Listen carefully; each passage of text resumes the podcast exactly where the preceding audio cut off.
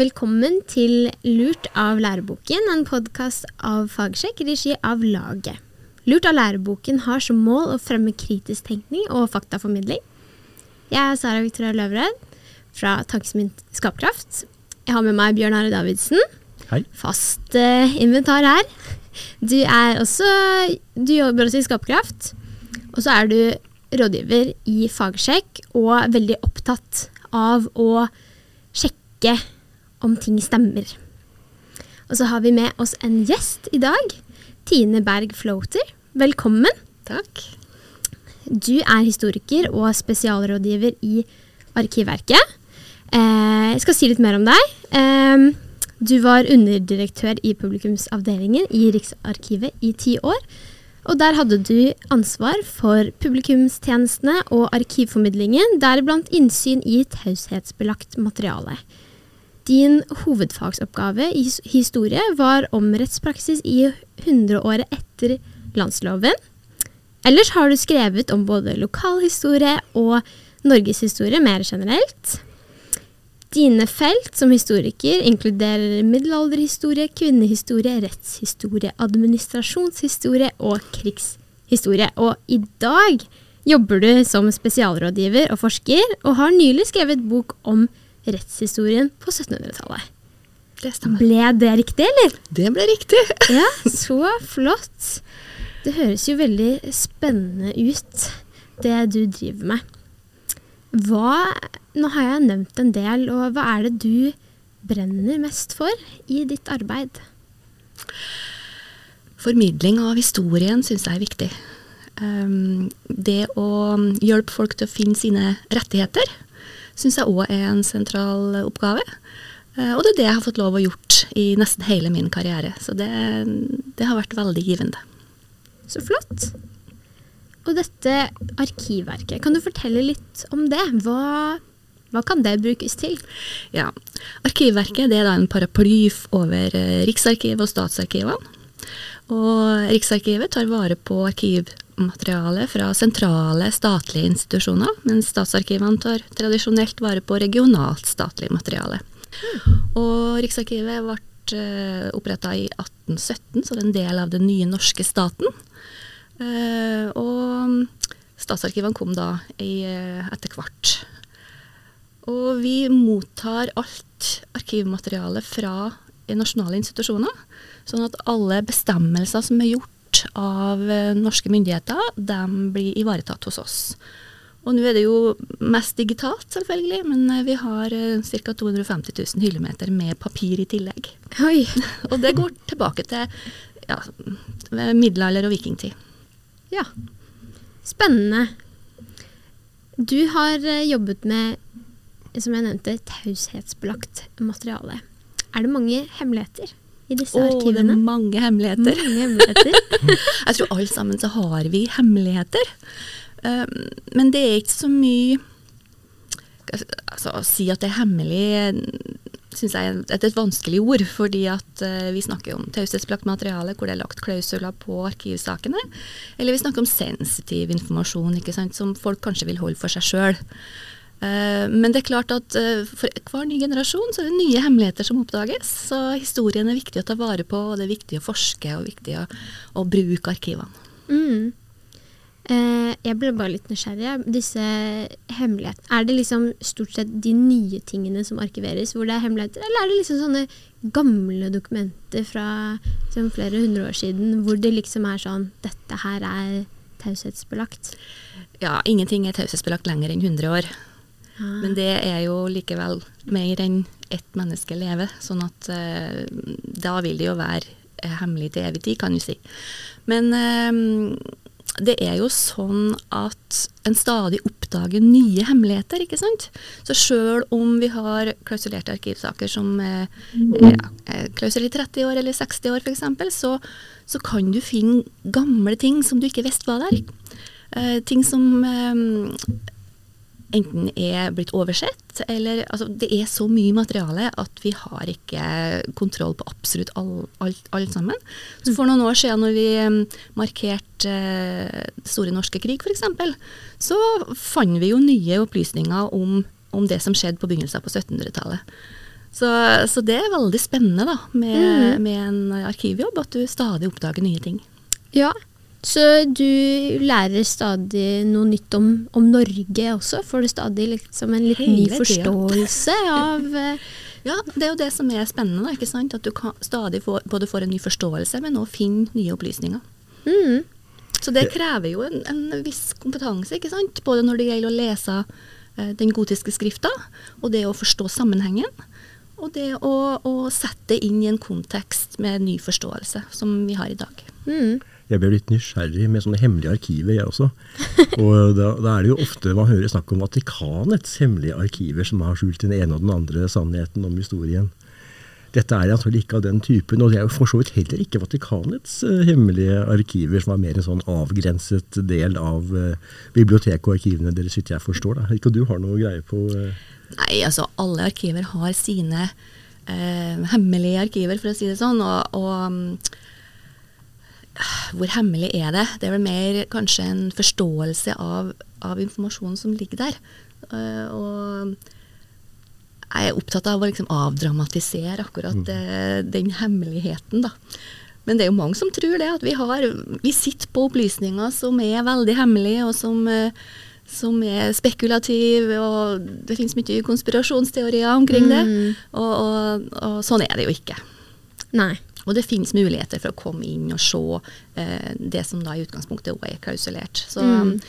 er det Altså, har du en, en rett har, etter loven, så, så får du òg se, se, det som kan være eh, unntatt andre. Mm.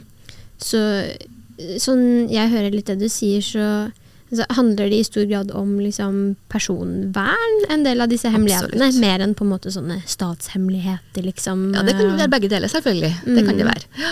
Men, eh, men ja, jeg har jobba veldig mye med skjønnsspørsmål i forbindelse med personvern, og det syns jeg er veldig spennende. Mm. Er Du nevnte ordet myter. Um, har, eh, blir, liksom, konfronterer du i Arkivverket myter, eller som du, myter som du ser i, blant folk flest, og så møter du en annen fortelling i arkivene. Skjer det ofte? Ja, oftere enn en skulle tro. Eh, det er mye misforståelser, og det er jo mye, som jeg sier, oppdikta historier. Det fins gamle historier som er blitt fortalt og gjenfortalt og endra over tid, ikke sant. Og da kan man gå til arkivene og se hva som er sannhet, hva som er en snev av sannhet, og hvor det kanskje kommer ifra. Og, og det er det jo mange som ikke liker, da. Plutselig så finner du ut at å, det du har trodd på i veldig lang tid, det stemmer ikke, eller det var litt annerledes. Mm. Uh, men det kan òg være veldig oppklarende og lettende for mange å, å avkrefte myter. Mm. Så det er en fin ting. Ja. Har du noen eh, konkrete eksempler på eh, en myte som eh ja, Det syns jeg er vanskelig, fordi at uh, det blir, kan bli veldig personlig. da. Ja. Men, uh, men, det er klart at det finnes myter, og det er laga TV-program om det her. Uh, histor gamle historier som gjelder enkelte steder i Norge, ikke sant. Og så finner du ut når du går til arkivene at det stemmer kanskje ikke. Nei. Eh, Stemmer det at den, den, eh, boka som du har skrevet nå nylig, at den handler, det er lokalhistorie? Det er både lokalhistorie og, og altså rettshistorie for Norge, men jeg bruker eksempler fra Trondheimsområdet. Ja. Er det noen myter der om som på en måte eh, Eller konfronterer du der noen sånne Jeg ser for meg at liksom der kanskje i en lokalbefolkning har man noen forståelser av liksom sin felles historie og sin identitet. I det arbeidet og gjennom den boka, er det noen sånne myter som du konfronterer liksom, trønderne? Ja, eh, kanskje ikke spesielt trøndere, men jeg, jeg har, det er en stor ting som eh, egentlig er verdt et eget program. som jeg har funnet ut, og som jeg jobber mye med nå. Det, det gjelder eh, restriksjoner i forhold til, til, til kvinner, og hva som er tillatt å gjøre Eh, F.eks. så er det jo det her med seksualitet og det å få barn utenfor ekteskap. Og det var veldig strenge lover på 1700-tallet. Og fikk du et barn utenfor ekteskap som døde f.eks., eller fikk du et barn som hvor du, alene, eh, som da ikke, ikke lev, overlevde fødsel, så var loven sånn at eh, du var eh, da tiltalt for drap. Mm. Og det førte til veldig mange henrettelser. Og det her er en, en ting som har gått litt under radaren. Og jeg har noe statistikk som viser at det her er mye mer alvorlig enn hekseprosessene f.eks., og dem har det jo vært veldig mye blest om. Ja. Så um, her er, stå, gjenstår det mye forskning, men det er et veldig spennende felt. ja. Særlig for oss som er kvinnehistorikere. Mm. Er det mm, mye Eller sånn kvinnene i historien, er, har de Er det sånn at vi nå må lete litt etter Hvordan hadde egentlig kvinnene det? Har det liksom vært litt skjult, eller ikke lagt fokus på, liksom? Nei Ja, det, kanskje det siste. Eh, altså Nå har jo kvinnehistorie vært ganske eh, et populært tema blant mange historiefags, eh, hovedfagsstudenter og mastergradsstudenter de siste årene. Og det har kommet fram veldig mye bra forskning. Og Mm. det har vel òg blitt en forståelse for at kvinnerett er kanskje familierett, og det omhandler mye mer enn bare kvinner. Men det er ikke noe vanskelig å finne kvinner i historien og skrive deres historie. Mm. Du må bare vite hvor du skal lete. Ja. Og det vet du. Ja, etter 25 år i Arkivverket, Ja. så ja. Ja, det ser jeg for meg. Da vet jeg hvor jeg skal gå hvis jeg lurer på noe ja. i historien. Bare kom. Altså, eh, ditt eh, spesialfelt, eh, eller i hvert fall en av de, er jo rettshistorie. Eh, og særlig rettshistorie i middelalderen, stemmer det? ja. Um, Nå har jeg jo som sagt skrevet denne boka i pandemiperioden om 1700-tallet, um, og jeg har jobba mye med senere historie også, men eh, ja. Men det er liksom rettshistorie, da, i hvert ja. Det er sant. Um, har du noen tanker om hva uh, er det viktigste læremidler burde formidle om norsk rettshistorie?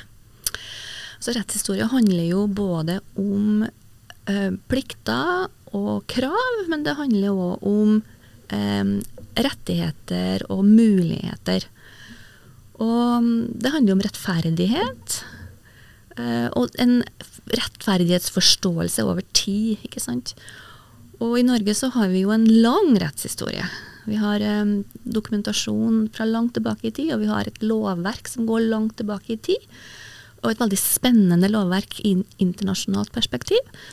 Så eh, jeg tenker det er, det er noe med den norske rettsstaten som, eh, som bør formidles eh, som en veldig fin ting. Og vi er veldig flinke å, og feire 17. mai og 1814. Mm. Men uh, til neste år så må vi òg virkelig feire landsloven. ikke sant? 750 år etter at Magnus Lagabøters landslov uh, ble vedtatt. Og før den tid så hadde vi landskapslover, ikke sant? og vi hadde en, en muntlig rettstradisjon uh, som går langt tilbake i tid. Så jeg tenker det her er en, en tradisjon, og det er noe som ligger i, i vår em, natur, kanskje, eh, som, som vi må ta litt på alvor og gjerne formidle mye mer av. Mm. Eh, du sier at i internasjonalt perspektiv at det er noe spesielt med den norske Kan du si litt mer om og det var spesielt med den norske rettshistorien versus liksom Ja, i et internasjonalt perspektiv, da. Ja, det mest sentrale det er jo det at vi var jo en av de aller første landene som fikk en lov som gjaldt alle sammen. Ikke sant? Landsloven var en nasjonal lov eh, som, eh, som eh, ikke så veldig mange andre land hadde. Det var, det var mye mm, altså føydalisme, ikke sant. Det var, det var en helt annen måte å bygge opp landet sitt på. Eh, hos oss så ble eh, landsloven bygd over landskapslovene, som allerede hadde vært godt gjennomarbeida. Mm. Landskapslovene er Frostatingsloven og Gulatingsloven f.eks. Eidsivating, eh, Borgarting. Eh, og de lovene var så gjennomarbeidet over så lang tid at det var med den moderne eh, forskninga og juridiske forståelsen, så kunne da landsloven komme i 1274. Og det var en, en slags revolusjon. Det var en helt ny type lov. Det var en human, menneskelig lov. En moderne lov. Eh, og den var skriftlig, og, og den gjaldt alle sammen. Hvordan kom Norge på å være så tidlig ute med dette? Ja, det kan du spørre om. Jeg, jeg må si som Knut Helle, historikeren i Bergen, at eh, Magnus Lagabøter, han er min mann. jeg, jeg tror han personlig hadde ganske mye med det å gjøre, sjøl om det var et, et stort, han hadde et stort nettverk. og, og landet vårt var klart for en sånn lov. Men Magnus var jo ikke egentlig ment å skulle bli konge. Så han, var, han hadde en storebror som skulle bli konge. Eh, så han var ut, opplært av munkene i Bergen, og han, han hadde en, en, boklig tradisjon. Han hadde en kunnskapsbase som var annerledes enn kanskje andre konger på den tida hadde. Det tror jeg er et, et faktum som kanskje ikke kommer så veldig godt fram ofte. Uh, og I tillegg så hadde vi som sagt de skriftlige landskapslovene som, uh, som, uh, som, base. Så um, jeg tror det, det, det tvinga seg vel fram en felles lov, mm. i og mm. med at um, altså det ble mer handel. ikke sant? Det var sikkert, altså Alt utvikla seg over tid, og, og det ble mer samarbeid mellom de ulike landsdelene òg. Ja. Spennende. Kan, kan, man si noe om, om jeg, ble Det blir iallfall sagt da, da landsloven kom i 1274 at den måtte var en fullføring, en reparasjon. altså Lagabøta er jo reparere lovene av Olav den helliges uh, lover. Og Det er jo også en feiring neste år av 1000 år siden Mostertinget, mm. som man sikkert ikke har eh, man, man, vet lite konkret om det. Mm. Men på hvilken måte har den tanken om at det var en, en Olav den helliges uh, opprinnelige måte, lov som, mm. som uh, ble fullført, som ja. påvirket arbeidet? Her er det veldig mye. Men altså, nå har vi nettopp vært gjennom en kroning i, i England.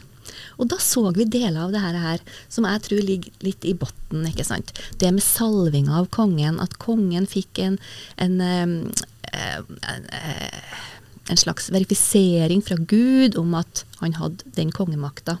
Og det her det ligger, ikke sant, Kong Olavs lov, den var eh, gitt av Gud. ikke sant, Kristenretten handler jo om om de kristne lovene, om hvordan du skal oppføre deg i et kristent samfunn, hvordan dåp og gravferd skal skje, og, og hvordan helligdager skal feires og sånne ting. Uh, så Det er en, en, en, en, lov som er litt, litt på sida av det vi har snakka om fram til nå. Men det er klart at det var en, slags um, godkjennelse da, av, uh, uh, av kongen, og, og det at kongerekka ble videreført, og, og, retten ble videreført fra vår store helgen, eh, det er klart at det var viktig for alle kongene i ettertid. Mm. For eh, det at eh, Norge hadde blitt kristnet, hvor viktig var det Eller hvor viktig er det for liksom, rettshistorien? Eventuelt uviktig? ja, det kan du spørre om. Um, jeg tror det handler mer om, om den enhetlige tradisjonen som kristninga ga oss. Mm. Og det var jo ikke sånn at uh, Norge ble et kristent land ved at uh, slaget på Stiklestad ble ferdig. Det var jo mer uh, en lang tradisjon over, over, som gikk over lang tid med at kristninga ble, inn, ble, innført på forskjellige måter. At nordmenn reiste ut og lærte om kristendommen, og kom tilbake med denne kunnskapen. Og så, og så har du da um, den gjennomstrømminga som, som, de nye tankene eh, om eh, kristendom og om den måten å innrette seg på, eh, som da før, eh, og fikk en, en eh, innflytelse på rettssystemet, vil jeg tro. Eh, ikke sant? Det handler om, om hvordan du behandler folk. og det er, jo, det er, jo, det rettshistorien handler om òg. Mm. Bjørn Are? Ja, jeg tenker også på noe rundt dette med overgangen, som sikkert var ganske gradvis, fra et ja, ettersamfunn til kanskje et mer individorientert samfunn. Tenker du at det har påvirket rettshistorien? Uh, hvem man liksom tiltalte, og hvem som kunne straffes, osv.? Ja, um, det som kanskje er veldig spesielt for den norske rettshistorien, det er jo den likheten som som retten og loven gir alle hadde muligheten til å saksøke på tinget, og, og, hvem som helst kunne bli saksøkt. Og den som da stilte som vitner, den gjorde det på eget grunnlag, ikke på bakgrunn av hvem de er. Og jeg har dokumentert praksis etter landsloven f.eks., og kan, kan, si at øh, kvinner f.eks. var veldig høyt akta som vitner i rettssaker. Mer, ofte mer enn menn. Eldre som hadde erfaring, var òg eh, gode vitner. Og det var uavhengig av hvem de var. Og det er kanskje det som er aller, aller finest med den norske retten i historisk perspektiv. At vi har en likhet og en rettferdighet som er, gjelder alle. Og altså, det moderne rettssystemet, til tross for at vi da hadde en union med Danmark i 400 år og hadde et nokså stort tilbakesteg i den perioden, så, så ligger dette her til grunn for moderne norsk rettshistorie, vil jeg tro. Mm. Så når du snakker om 1700-tallet, så var det på mange måter et tilbakesteg i forhold til middelalderen? Ja, altså det er litt vanskelig fordi at vi sier jo at 1700-tallet var da rettssystemet ble sivilisert. Og det ble det på mange måter, ikke sant. Vi fikk um, F.eks. i 1736 så kom det lover om at jurister skulle ha eksamen, og de skulle ha gått gjennom et pensum. Og eh, etter hvert så, så ble jo alle rollene i rettssystemet eh, bestalta av eh, utdanna folk, utdanna jurister, ofte dansker. Og, og, det er jo et, sivilisert system. ikke sant? Og det er hele, sånn som du om at Vi hadde rettebøter i middelalderen, så hadde vi jo nyere skripter og forordninger som kom gjennom hele 1700-tallet, som forbedra loven. Uh, så det, det, var bedre. Men jeg vil jo si at det var altså, Det er vanskelig å, å, sammenligne et samfunn som uh, er så forskjellig som 1200-tallet og 1700-tallet, fordi vi levde så forskjellig. Mm, men når det gjelder kvinner, f.eks., så var rettighetene større på 1200-tallet, eller etter landsloven, da, enn enn på 1700-tallet. For da måtte du være representert av menn i mange tilfeller. Hvorfor ble det sånn? Ja, det var det europeiske innflytelsen som i stor grad gjorde det. Ja, for det, det, er det som er spesielt, som jeg prøver å si da, om, om, det norske systemet, at vi har hatt en mye større likhet enn det som var vanlig i Europa. Mm. Og som mm. vi bør være veldig stolt av. Mm. Ja, det, det kjenner jeg at jeg er stolt av stolt av å være norsk nå. Ja, ikke sant? men eh, altså, du sa litt at det er litt vanskelig å si, men jeg likevel vil eh, spørre en gang til om liksom hva, eh, hva kan det komme av den tanken om likhet? Liksom, var det også noe med liksom, hvordan at Norge har vært et lite land, eller noe med liksom, hvordan eh, bygdene var eh, strukturert? Eller sånn, hvor, hvor Hvorfor hadde akkurat vi det, liksom?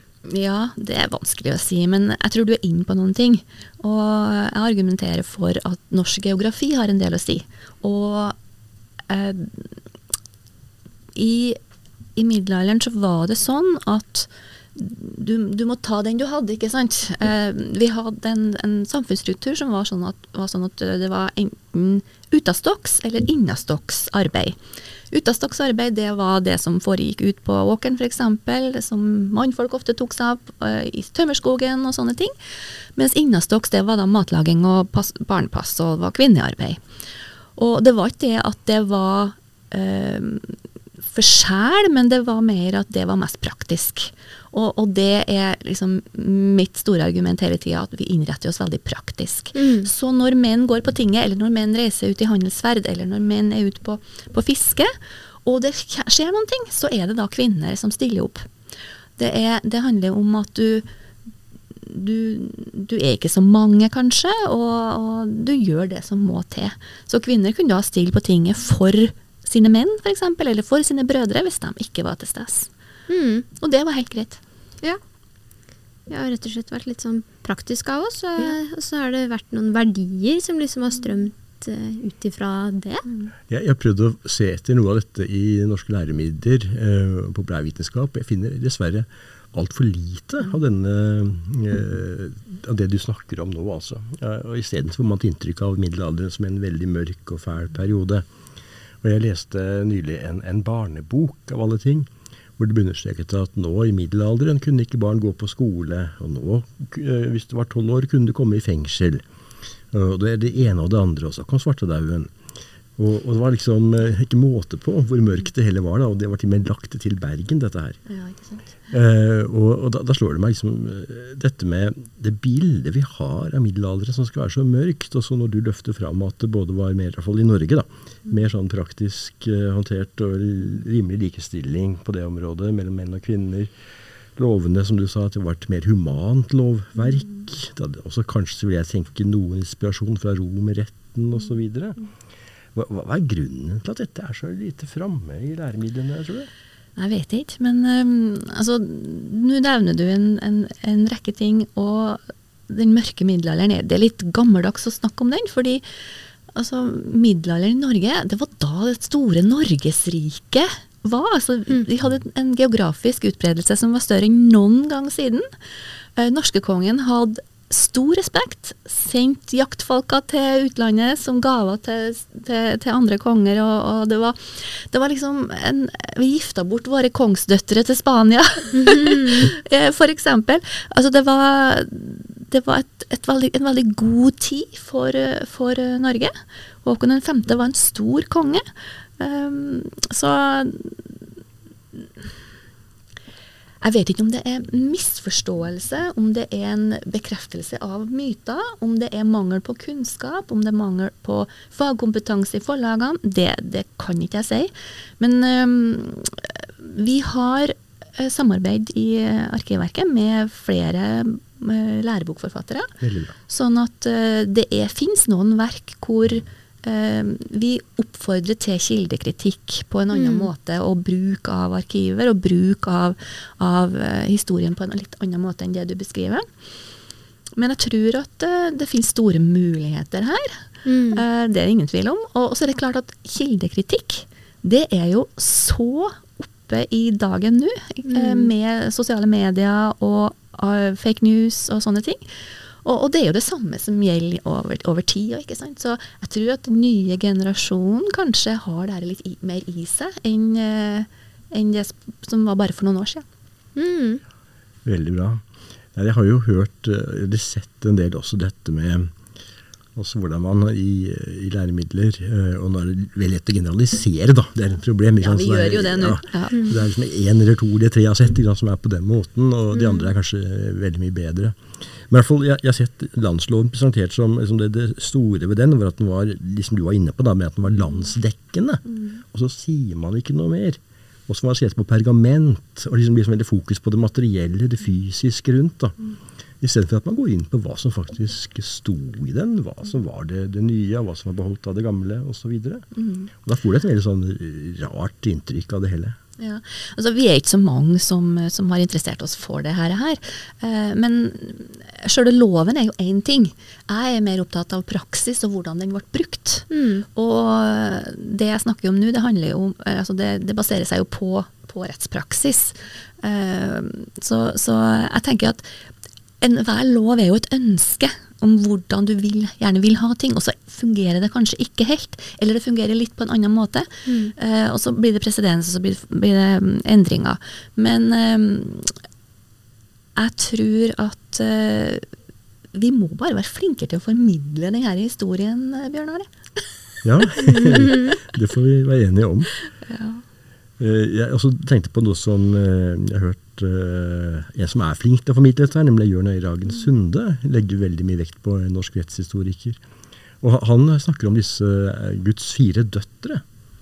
Eh, Altså dette med sannhet og rettferdighet og, og eh, nåde og eh, er barmhjertighet. Eh, Som en slags eh, hva kaller han det, kompass eller noe sånt, for å styre etter. Man skal praktisere loven. da, altså Det skal være dømt sant, eh, dømt riktig, det skal være dømt rettferdig, men det må ikke være dømt for strengt. og Du må vise individuelle hensyn osv. Ser du noe av det når du ser på praksis? Ja, det er veldig spennende. Fordi at vi ser jo at eh, skjønn blir brukt i, på den måten som du nevner, i, i eh, dommer. Men så er det, det her er litt, det er litt vanskelig fordi at du skulle dømmes av dine likemenn.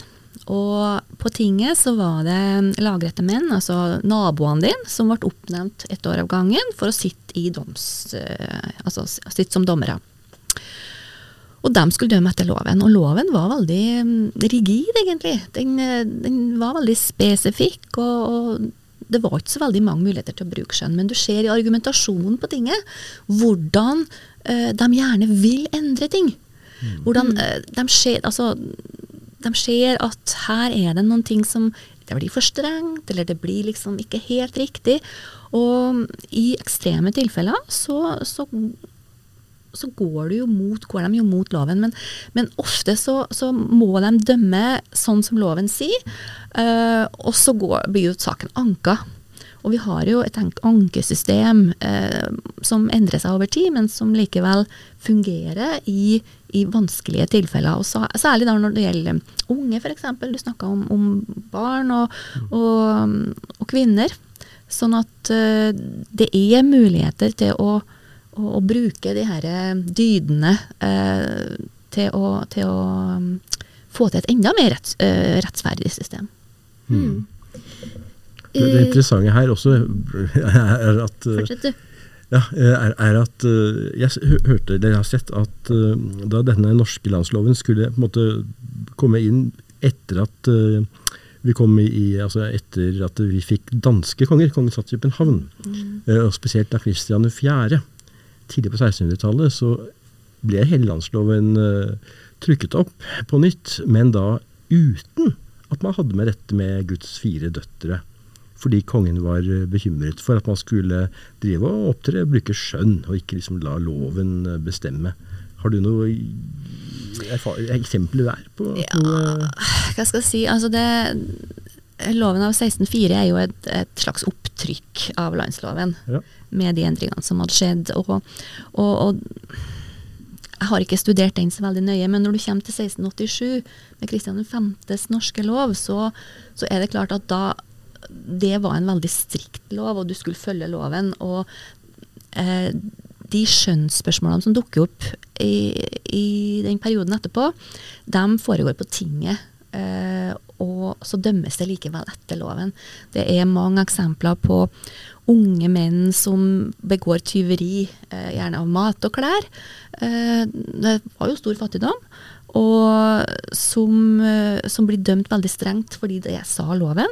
Men så argumenteres det for at å ja, men de er så unge, og um, de oppfører seg på en måte at de kanskje ikke forstår helt hva som foregår.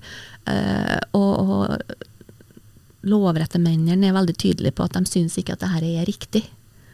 Og, og da finnes det muligheter, men um, uh, saken blir gjerne anka, og, og ja det går ofte dårlig, da, med de her eh, unge vennene. Mm. Mm.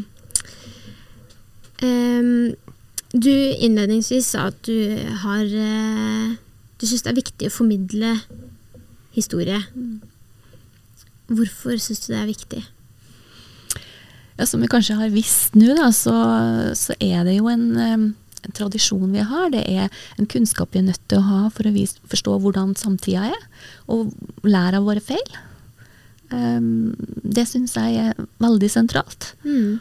Og, og, det er klart at det er morsomt å, å høre om hvordan ting var før, um, fordi det er gjerne sammenlignbart med sånn som vi lever våre liv, sjøl om det, det, det, er en moderne samtid. Mm. Så, så spørsmålene er ofte de samme. Mm. Men vi eh, tolker det på litt andre måter, avhengig av eh, hvordan situasjonen er, da, og hvilket århundre vi lever i. Mm. Men, eh, men jeg kjenner meg veldig igjen når jeg leser rettshistorien. Jeg blir veldig kjent med de 1700-tallspersonene som jeg skriver om, og jeg, jeg, jeg forstår dem godt. altså um, Tingbøkene sier jo veldig mye om folk på denne tida. På 1700-tallet så får du beskrivelser av hvordan folk ser ut, hvordan de er kledd, hvem de er i slekt med, hvordan mm. de bor, hvordan det ser ut rundt dem, akkurat hva som, hva som skjedde når eh, forseelsen var opp, hvordan de oppførte seg, hva de sa, og hvordan de sa ting. Altså, du, du, det kommer veldig nært. Mm. Og når det er noen da som du møter igjen og igjen og igjen, så, så syns du at de, eh, de, kunne ha vært naboene dine i dag. Mm. Og sånn er det mm. lite grann på 1200-tallet, selv om vi har veldig få dokumenter. Vi har kanskje 10% av, eh, av diplomene, eh, altså eh, rettsdokumentene igjen. Eh, men likevel så kan det være noen av de samme personene eller noen av de, de samme typene du møter. Mm. Og jeg syns ikke det er vanskelig å forstå hvordan de opptrer. Nei. Og eh, fra La oss si fra 1200-tallet, er det noe særlig fra den tiden og fra rettshistorien på den tiden som, vi, som du tenker at dette har vi glemt litt, eller, eller dette er et godt forbilde som vi kan lære av i dag? Ja, det er vel akkurat det her med likheten med hvordan vi forstår loven i dag. Mm. Eh, altså den, den, perioden med unionen med Danmark eh, blir en slags parentes, opplever jeg. At eh, middelalderen og landsloven og hvordan vi opptredde overfor våre medmennesker og vitner i retten og eh, parter altså Vi krangla om det samme da som vi krangler om nå. det er eiendom og arv. Mm. eh, og nabokrangler og sånne ting. Eh, så eh, det er en veldig, veldig stor likhet med sånn som vi, vi opplever retten i dag. Mm. Og rettferdighetssansen er så sterk. Mm. Um, så, så, er det noen ting som går som en rød tråd gjennom norsk rettshistorie, så vil jeg si det. Mm.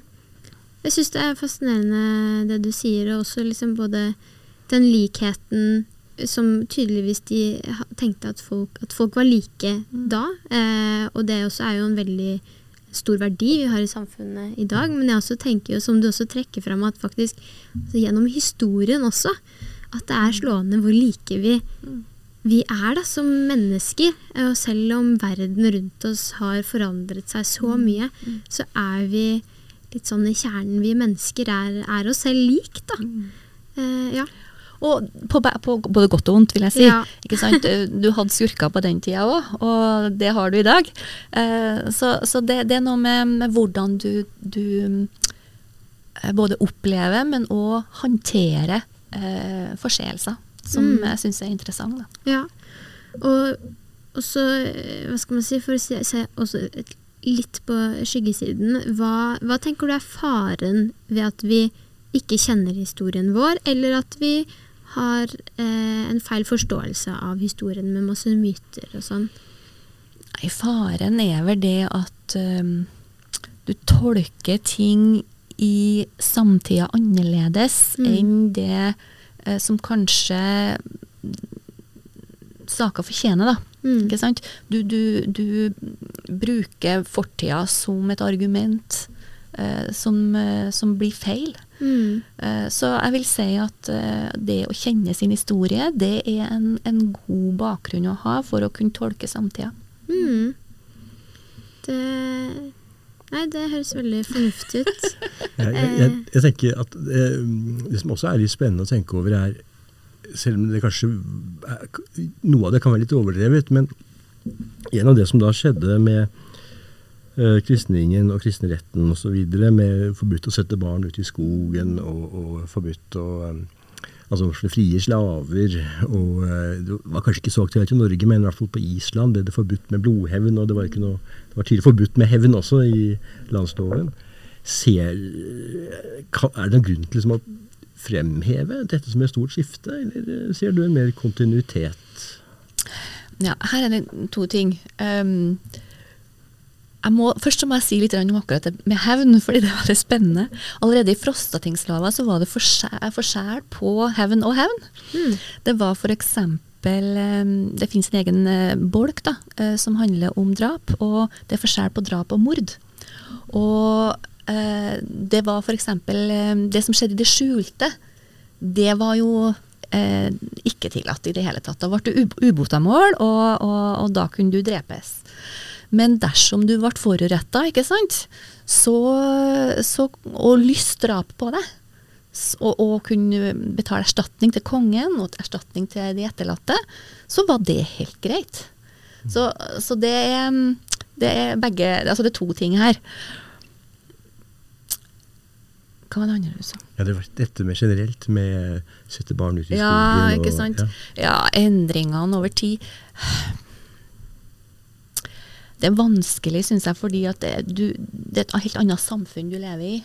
Mm. Um, de hadde andre forutsetninger for å takle utfordringene sine i middelalderen enn det vi har i dag. Uh, og vi har en mye lengre erfaring når det gjelder å ivareta barn, f.eks. Uh, så um, Jeg tror ikke at vi skal sammenligne det sånn fordi at forutsetningene er så annerledes. Ja.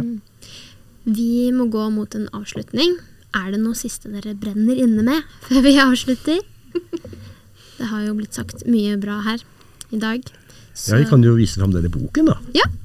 Så uh. Ett århundre i retten. Ja, det beskriver um, rettssystemet på 1700-tallet, hvordan det endra seg. Mm. Og hvorvidt og debattere da hvorvidt eh, det var, ble et sivilisert samfunn eller ikke.